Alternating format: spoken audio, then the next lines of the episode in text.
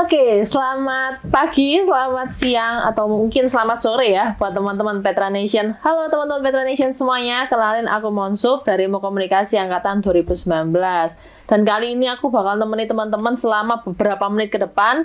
Dan hari ini kita kedatangan satu narasumber yang spesial buat teman-teman Petra Nation di sini. Selamat pagi, selamat siang Pak Kris. Ya, selamat pagi atau selamat siang. Iya, iya mungkin Pak Kris bisa perkenalan dulu ke teman-teman Petra Nation. Ya, nama saya Kris Nugroho. Saya sehari-hari mengajar di Departemen Ilmu Politik FISIP Universitas Erlangga dan juga sekaligus saya sebagai tim asistensi partisipasi politik pemilih uh, di KPU RI yang selama ini saya uh, melakukan sosialisasi di zona 1, zona 2, zona 3. Zona 1 itu meliputi kawasan Sumatera, Jawa Barat, zona 2 itu meliputi Kalimantan, dan sebagian Sulawesi, zona 3 itu Jawa dan Indonesia kawasan timur. Makasih.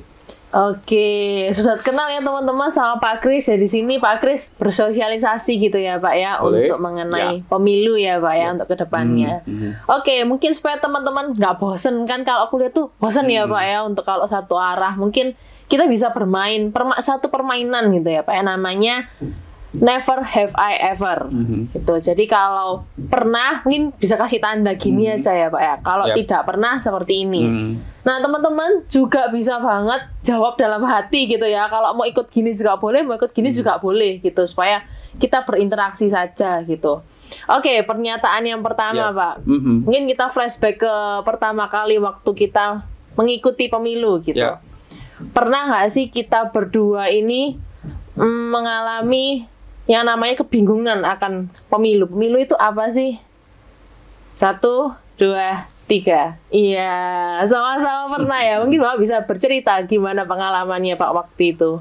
Ya, kalau flashback ya pada masa ketika SMA ya, belum belum kuliah, yaitu eh, partai, tahu sih partai waktu itu ya, kan waktu itu ada tiga partai ya, Golkar, P3 sama PDI.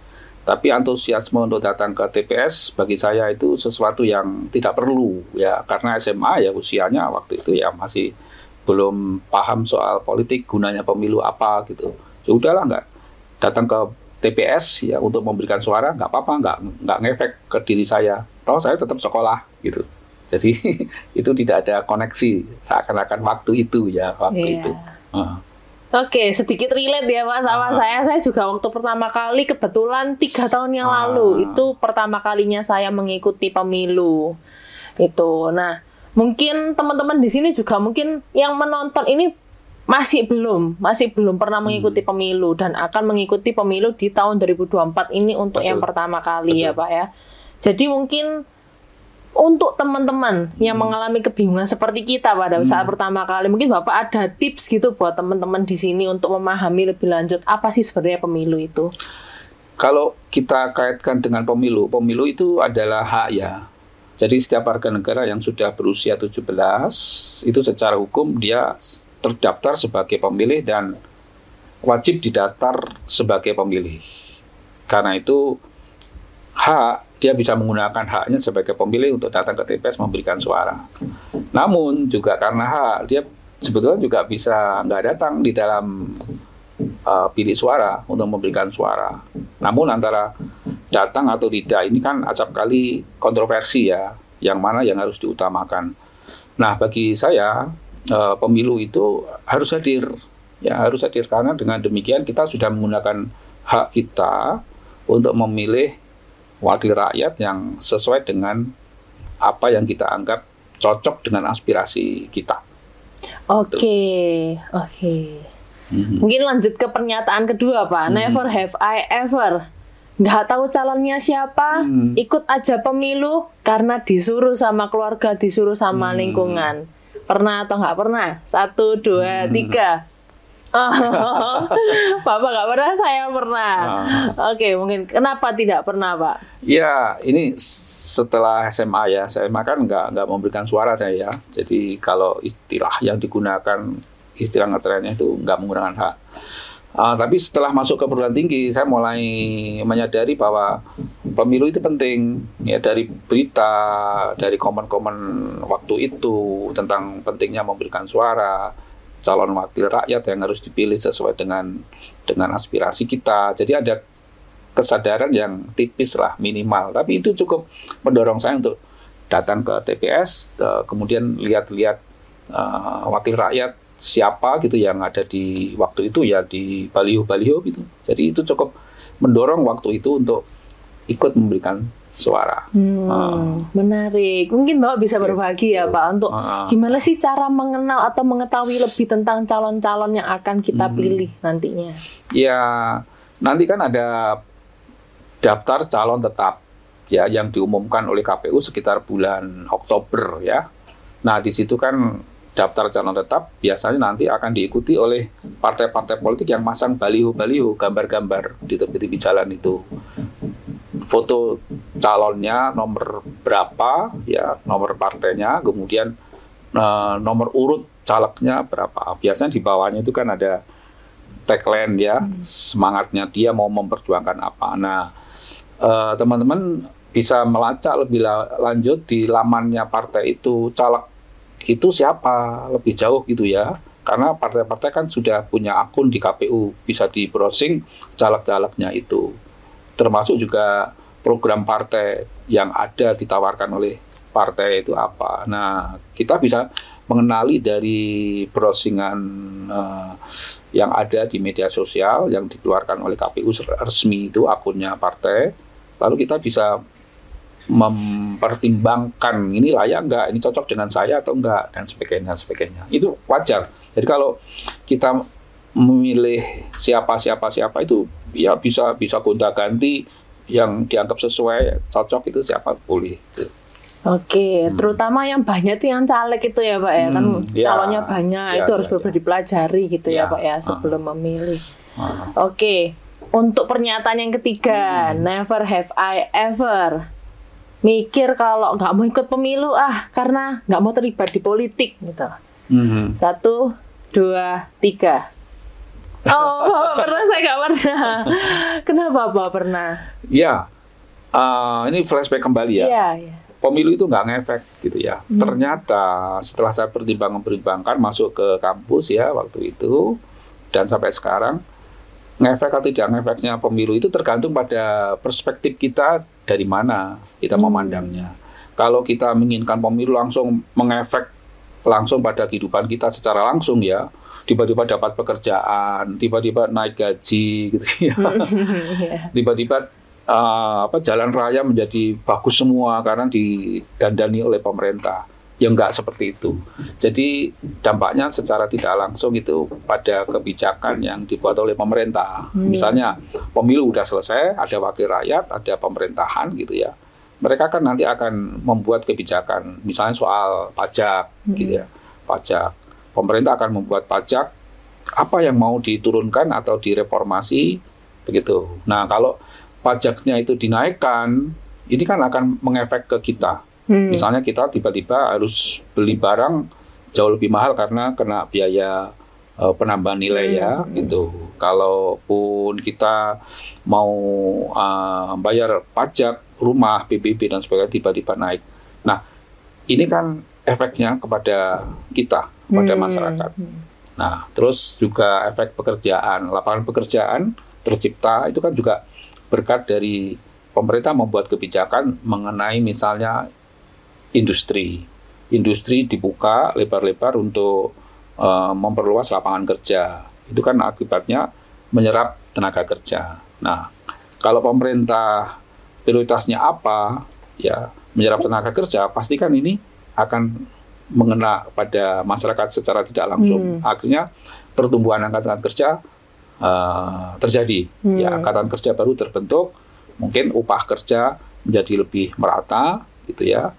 Nah, sehingga ini bisa dirasakan masyarakat. Tapi ini harus dilihat efeknya secara tidak langsung pada pemerintah yang akan membuat kebijakan itu. Karena itu eh, harus dilihat juga partai politik punya program apa, nah, kemudian presidennya punya program apa. Hmm. Ini harus harus jelas dia hmm. di, di di ya di mahasiswa harus melihat itu kan kadang-kadang mahasiswa melihatnya media sosial ya berita-berita yang ada di media sosial yang belum tentu itu kan hmm. tidak valid Iya. Gitu.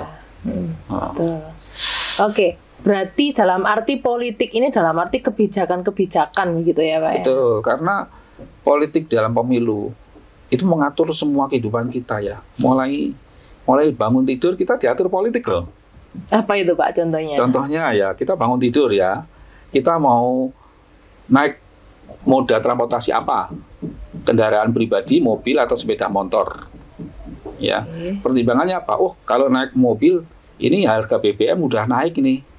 Ya, okay. oh saya pilih yang lebih hemat uh, sepeda motor aja. Hmm. Gitu. Itu kan efek dari keputusan politik yang dibuat oleh pemerintah, misalnya hmm. untuk menaikkan harga BBM. Hmm. Ya, sehingga kita secara tidak langsung hidup kita ini diatur pada policy, hmm. diatur oleh policy keputusan politik yang dibuat oleh pemerintah. Contohnya lagi uh, soal itu tadi ya pajak, pajak barang mewah. Kita mau beli HP, mau beli rumah, mau beli uh, apalagi ya mobil dan sebagainya eh kita enggak deh, nggak usah beli dulu karena pajak untuk barang-barang mewah dinaikkan oleh pemerintah. Hmm. Nah, ini kan mengatur perilaku kita.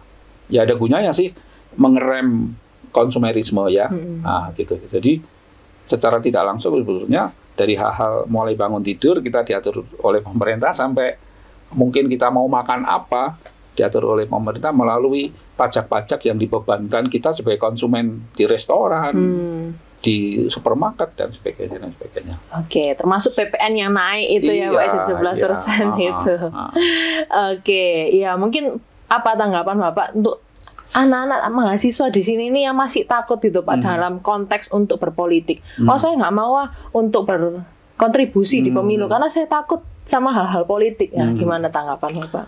Uh, kita kan hidup di masyarakat ya dan hidup kita ini sebetulnya diatur oleh keputusan-keputusan politik, hmm. oleh policy, oleh kebijakan. Apa pun yang kita lakukan itu sebetulnya sebagai respon terhadap kebijakan pemerintah. Ya, walaupun tidak secara langsung ya. Contoh misalnya, contoh misalnya yang sederhana ini ya, kita mau berkendaraan, ah, nggak mau ah, karena saya nggak punya SIM. Hmm. Pemerintah akan memberi sanksi yang keras, denda yang tinggi gitu ya, sanksinya bagi pelanggar yang tidak memiliki SIM. Nah, Pak, pemerintah sudah mengeluarkan itu. Hmm. Atau pemerintah mempermudah kita untuk uh, mengurus SIM.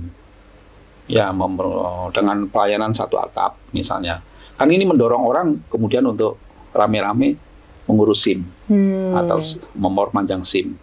Nah, ini kan policy yang dibuat oleh pemerintah itu langsung atau tidak langsung itu menggerakkan orang untuk berpartisipasi di dalam kehidupan yang lebih luas ya. Hmm. Nah, jadi dengan demikian uh, kita tahu bahwa hidup kita ini sebetulnya diatur oleh policy-policy itu, hmm. ya policy-policy itu.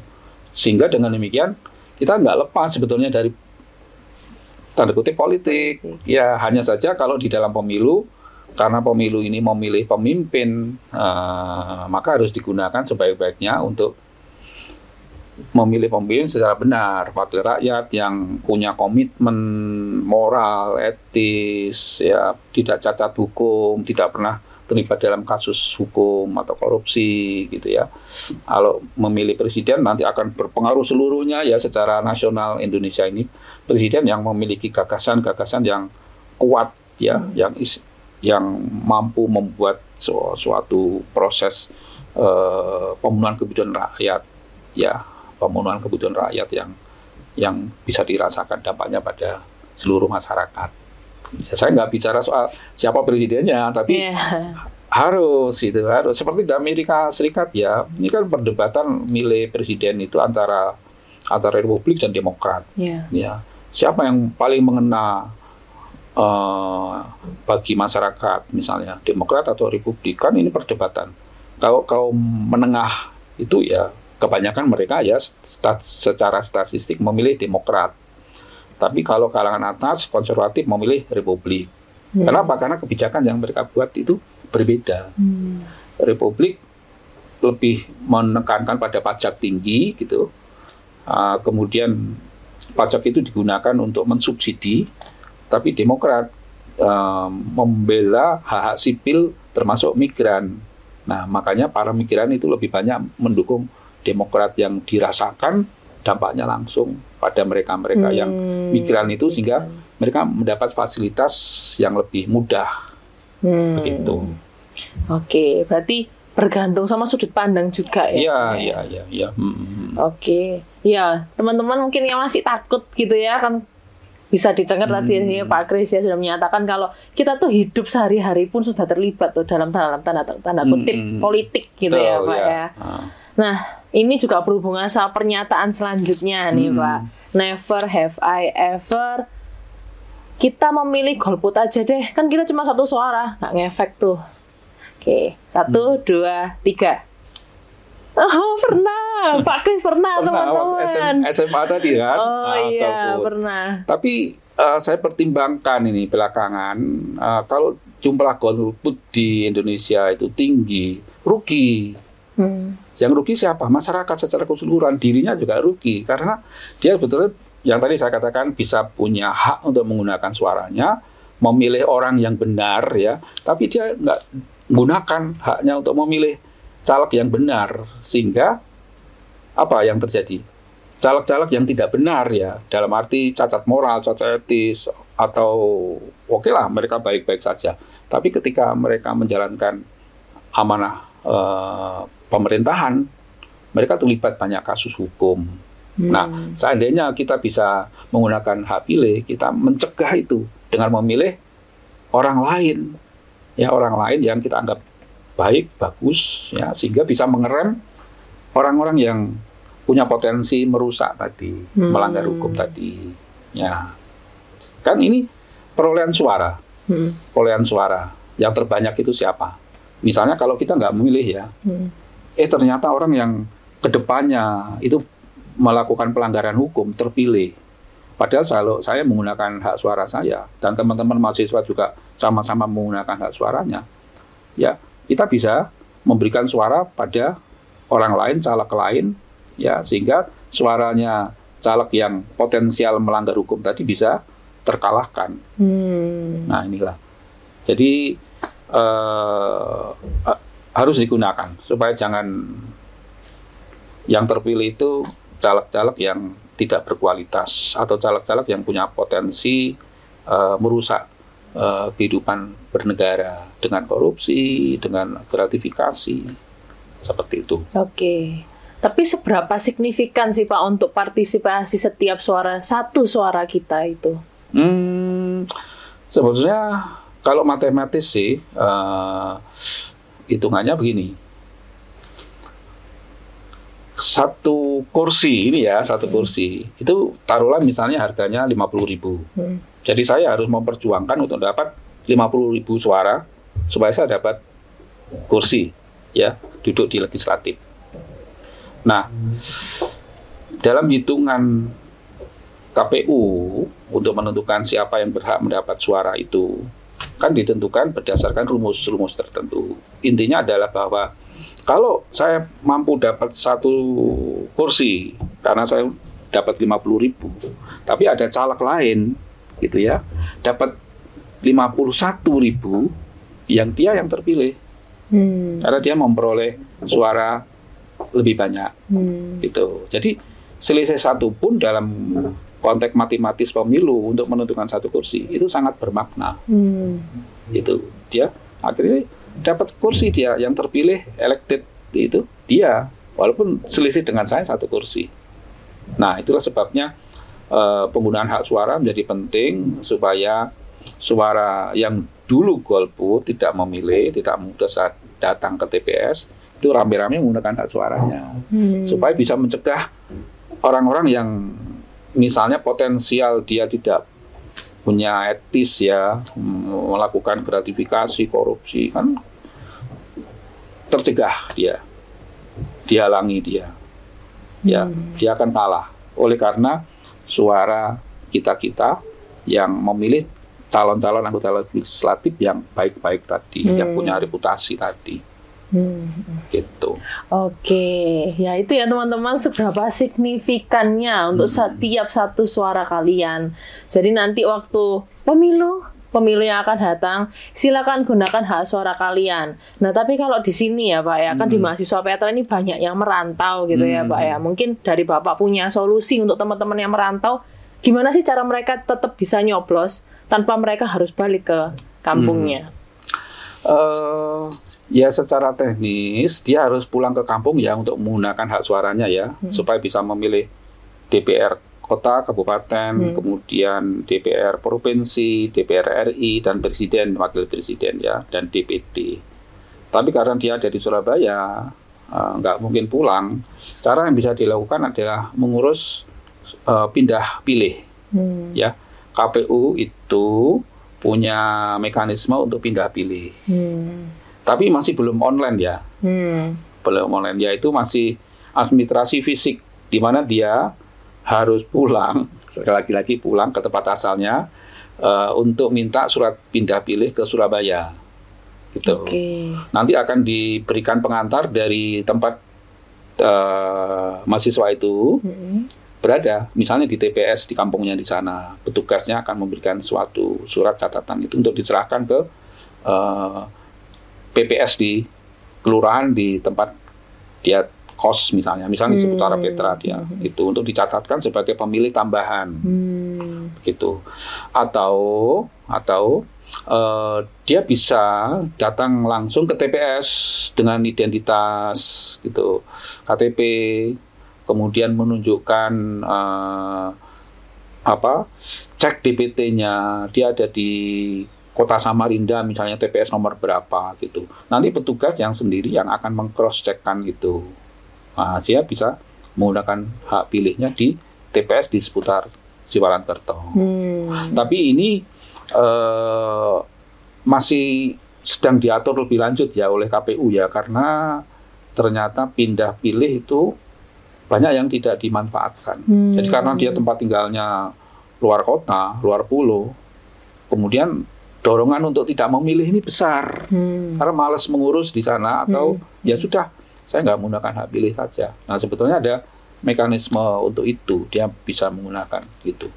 Cuman eh, ya itu tadi masih belum online ya, Hmm. online ya. Kan kita semua sudah bisa mengecek cek DPT. Hmm. Nanti kalau sudah ditentukan daftar pemilih tetap bisa masuk di lamanya KPU cek DPT. Kita tinggal masukkan NIK Hmm. mahasiswa kan pasti udah punya nick ya Hmm. masukkan entry nick nanti diklik udah ketahuan dia ada di TPS mana Hmm. di Samarinda TPS mana atau di Balikpapan TPS mana Surabaya TPS mana udah ketahuan Oke, gitu. mungkin data tersebut akan keluar kapan, Mbak kira-kira? Eh, saat ini sebetulnya masih proses daftar pemilih eh, yang yang yang masih dipersempurnakan ya Hmm. tapi bisa kok sudah bisa dilihat itu Oke, berarti teman-teman sudah bisa mulai mengurus ya, Pak, Ya, untuk ya. suratnya. itu? cek DPT Oke. ya Ah, nanti akan ketahuan TPS-nya di mana Oke, oke. Masih lama kok teman-teman ya. Ah. Nanti kan masih ada libur semester juga. Teman-teman kan balik kan ya ke tempat asal. Bisa itu diurus. Terus nanti dibawa ke Siwalan Kerto gitu ya. Mm-mm. Nyoblos Betul. di sini Mm-mm. gitu. Oke, selanjutnya. Pernyataan selanjutnya, Pak. Hmm. Never have I ever kemakan berita hoax dalam memilih di pemilu. Mhm. Satu, dua, tiga. Ya, oke, sama-sama enggak. Nah, mungkin tapi kan kita di sini sekarang susah ya Pak ya untuk Hmm. membedakan ya. Mana sih yang benar-benar berita yang asli, yang benar-benar aktual, yang benar-benar kredibel. Nah, itu gimana Pak caranya? Tipsnya untuk melihat yang benar-benar ya yang bisa dipercaya. Ya, eh, berita berita apa dulu? Kalau itu berita tentang media sosial yang terkait dengan eh, info-info umum ya, itu bisa dicek melalui eh, media mainstream mungkin ya, Hmm. media utama ya. Tapi kalau itu mengenai caleg-caleg yang bermasalah gitu, eh, bisa dicek di ini eh, di tautan yang misalnya cek cek caleg ya, cek caleg. Jadi teman-teman ini kan bisa melihat eh, di lamanya KPU nanti ya, nanti set- setelah daftar calon tetap diumumkan oleh KPU, KPU akan mempublish itu ke masyarakat dan masyarakat bisa memberikan masukan. Nah, di situlah bisa dicek caleg dari masing-masing partai. Kalau kita punya informasi tentang caleg itu, ya misalnya, eh pernah ngutang ini, nah gitu, belum dibayar utang orang tua saya, gitu. bisa di, di- diberi masukan kepada apa di KPU. Ini ada persoalan hukum, gitu ya, Ah, atau punya riwayat kriminal misalnya ya, bisa diberikan input kepada KPU itu lewat laman KPU untuk eh, memberikan masukan kepada KPU cek itu. Tapi ya tidak boleh surat kaleng ya tidak boleh asal memberikan masukan yang sifatnya fitnah ya. Tapi harus disertai dengan bukti unggah bukti misalnya begitu. Oke. kalau zaman dulu KPU itu sering menerima ini ya surat-surat tidak jelas. Hmm. surat-surat dikirim tapi nggak ada nama pengirimnya siapa nama orangnya tapi sifatnya menjatuhkan. Hmm. gitu. Nah KPU nggak ingin terulang lagi. Sekarang dilakukan secara online untuk mengecek caleg-caleg itu memberikan masukan ya disertai dengan identitas kita. Karena untuk masuk ke lamanya KPU kita harus masuk nik Hmm. ya nik kita gitu sehingga terekam Hmm. di base-nya KPU. KPU. lalu ada mekanisme untuk bukti pengiriman bukti upload Hmm. bukti gitu Oke, Oh. oke. Selain di KPU kan ada portal-portal berita nih Pak, Ya. tapi kan ada Hmm. isu-isu gitu ya Hmm. Pak ya keberpihakan portal berita ini ke mana, ini ke mana. Hmm. Nah itu gimana Pak? Kita sebagai orang awam untuk memfilternya itu. Mm-mm. ya konsisten lah artinya pasti itu. Ada kantor-kantor berita atau platform-platform media sosial yang partisan ya atau atau bahkan mungkin berita bes, apa portal berita besar yang sedikit-sedikit memihak salah satu entah itu partai entah itu pasangan calon ya pasti ada. Nah kita sebagai pemilih itu ya harus harus ini harus pandai-pandai melakukan pengkritisan ya. Hmm. Kita boleh kan melakukan pengkritisan. Oh ini eh, televisi ini misalnya ya televisi ini. Ini cenderung ke sini, televisi ini cenderung ke sini atau media ini cenderung ke sini ke sini. Nah, saya nggak percaya ini. Jadi eh, bisa kita bisa menentukan sikap Hmm. kita secara pribadi terhadap itu. Oke, gimana sih Pak cara menumbuhkan pemikiran yang kritis itu supaya kita benar-benar tahu? Hmm, gimana ya? Tapi sekarang anak-anak Gen Z ini kan yang dipegang kan HP media sosial. Betul. Mungkin 24 jam. Iya, bisa sih Pak, bisa. Kalau nggak gitu ya. kuliah gitu, tuh macam bisa sih ya. Ya. Nah, eh, oke, media sosial itu kan menawarkan berbagai konten ya. Ada konten yang tidak benar, hoax dan sebagainya dan sebagainya. Berita-berita yang menjelek-menjelekan figur dan sebagainya. Pastilah ada itu ya. Tapi kalau kita berpedoman pada semakin berita itu bombastis, Hmm. semakin judulnya itu tidak masuk akal, pastilah itu tidak bisa dipertanggungjawabkan. Nah, karena itu kita harus melakukan pengimbangan, pengimbangan ya, cek dengan berita utama apa yang ada di situ. Kan kita bisa mengecek, oh ini berita hoax. Contohnya misalnya, oh kasus lama muncul lagi, kemudian diberi frame seolah-olah ini terjadi kemarin. Hmm. Ya, gitu kan? Diulas lagi oleh oleh akun berita tertentu, ditulis ulang dia seakan-akan itu. Nah, ini mungkin bisa menggiring kepada opini yang tidak benar. Hmm. Tapi kalau kita sadar cek eh, berita itu, mungkin kita tahu oh ini berita 10 tahun yang lalu, tiga tahun yang lalu itu nggak benar. Berarti kan kita sudah punya posisi di situ. Hmm. Berita itu nggak benar. Oke. Gitu. Pentingnya literasi ya, Pak. Betul, ya. ya itu literasi. Ah, ah, ah. Iya, literasi nggak cuma baca judul teman-teman literasi itu ya, sampai ke eh, berita di bawahnya Iya, iya. gitu ya Pak ya. Betul. Kadang kan Ah. soalnya judulnya tuh clickbait gitu ya Pak ya. Hmm. Ya itu penting ya teman-teman kalau lihat konten-konten juga di TikTok mungkin atau di Instagram Hmm. bisa dicari beritanya apakah itu benar apakah itu enggak gitu ya teman-teman. Oke untuk pernyataan yang terakhir Pak. Never have I ever ngajak teman-teman rame-rame untuk ikut pemilu. Satu, dua, tiga. Nah, iya. Teman-teman pernah nggak? Nah, ini kan lagi rame-ramenya nih. Pernah nggak ngajak? Nah, sekarang kita dengerin dari Pak Kris dulu nih. Pak Kris, Ya. gimana itu waktu itu? Ya, eh, saya menjadi asisten KPU RI untuk program partisipasi politik pemilih. Hmm. Nanti hasilnya adalah indeks partisipasi pemilih. Tren di berbagai daerah di Indonesia ya. Ah, beberapa kali sudah pertemuan eh, di Batam, di Makassar, di Jakarta, eh, di berbagai tempat ya. Di, intinya adalah mendorong KPU supaya dia bisa menggunakan jaringan yang ada untuk mendorong terutama pem- pemilih milenial, eh, pemilih Gen Z tadi ya, supaya hadir di dalam pemilu.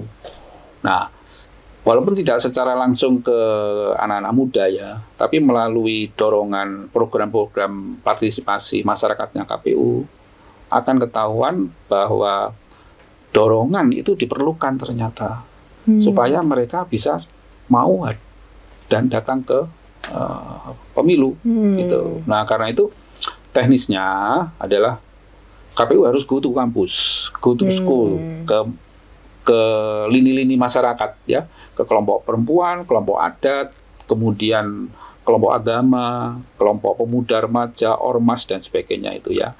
Termasuk juga kelompok-kelompok difabel. Hmm. Yang ini yang terabaikan difabel, kemudian apalagi ya eh, kelompok-kelompok yang rentan secara secara fisik ya oh, itu didatangi untuk mendorong mereka supaya datang ke TPS ke pemilu. Nah ini biasanya keluarga keluarga nggak mendorong ini anaknya yang difabel gitu ya atau orang tua yang di rumah hanya duduk saja ya untuk datang ke TPS ya untuk memberikan suaranya. Nah ini ini harus dirubah mindset ini. Mereka juga sebetulnya selama sehat ya dia warga negara yang punya hak.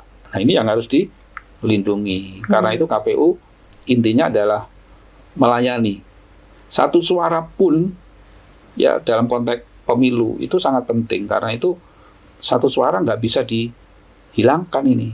Misalnya begini ya, oh di kampung itu ada satu orang difabel, dia sulit terbatas untuk mobilitasnya. Wis nggak usah di, diajak ikut pemilu aja. Mungkin keluarganya begitu ya, keluarganya ngerepot ngerepotin gitu ya. Eh, nggak bisa sebagai anggota keluarga dia harus bertanggung jawab. Dia bagian keluarga yang punya hak, dia harus difasilitasi. Nah, ini klop dengan program KPU untuk melakukan uh, TPS keliling, mengadakan TPS keliling, didatangi ya untuk difasilitasi supaya kelompok-kelompok yang rentan ini bisa menggunakan hak suaranya. Ada kan TPS keliling. ya. Itu biasanya dibuka jam 12, menjelang tutup jam 13 Hmm. gitu. Nah, supaya itu tadi satu suara pun harus difasilitasi. Karena kalau tidak, justru ini pelanggaran hak pemilih. Hmm. Gitu. Jadi misalnya ada petugas pendaftaran pemilih, Wes nggak usah didaftar ini, bapak ini sulit bergaul, Hmm. oh nggak boleh. Yang mengatakan begitu itu justru justru kena uh, pelanggaran itu pelanggaran administratif. Dia dia sebagai petugas kan nggak melaksanakan tugasnya gitu ya.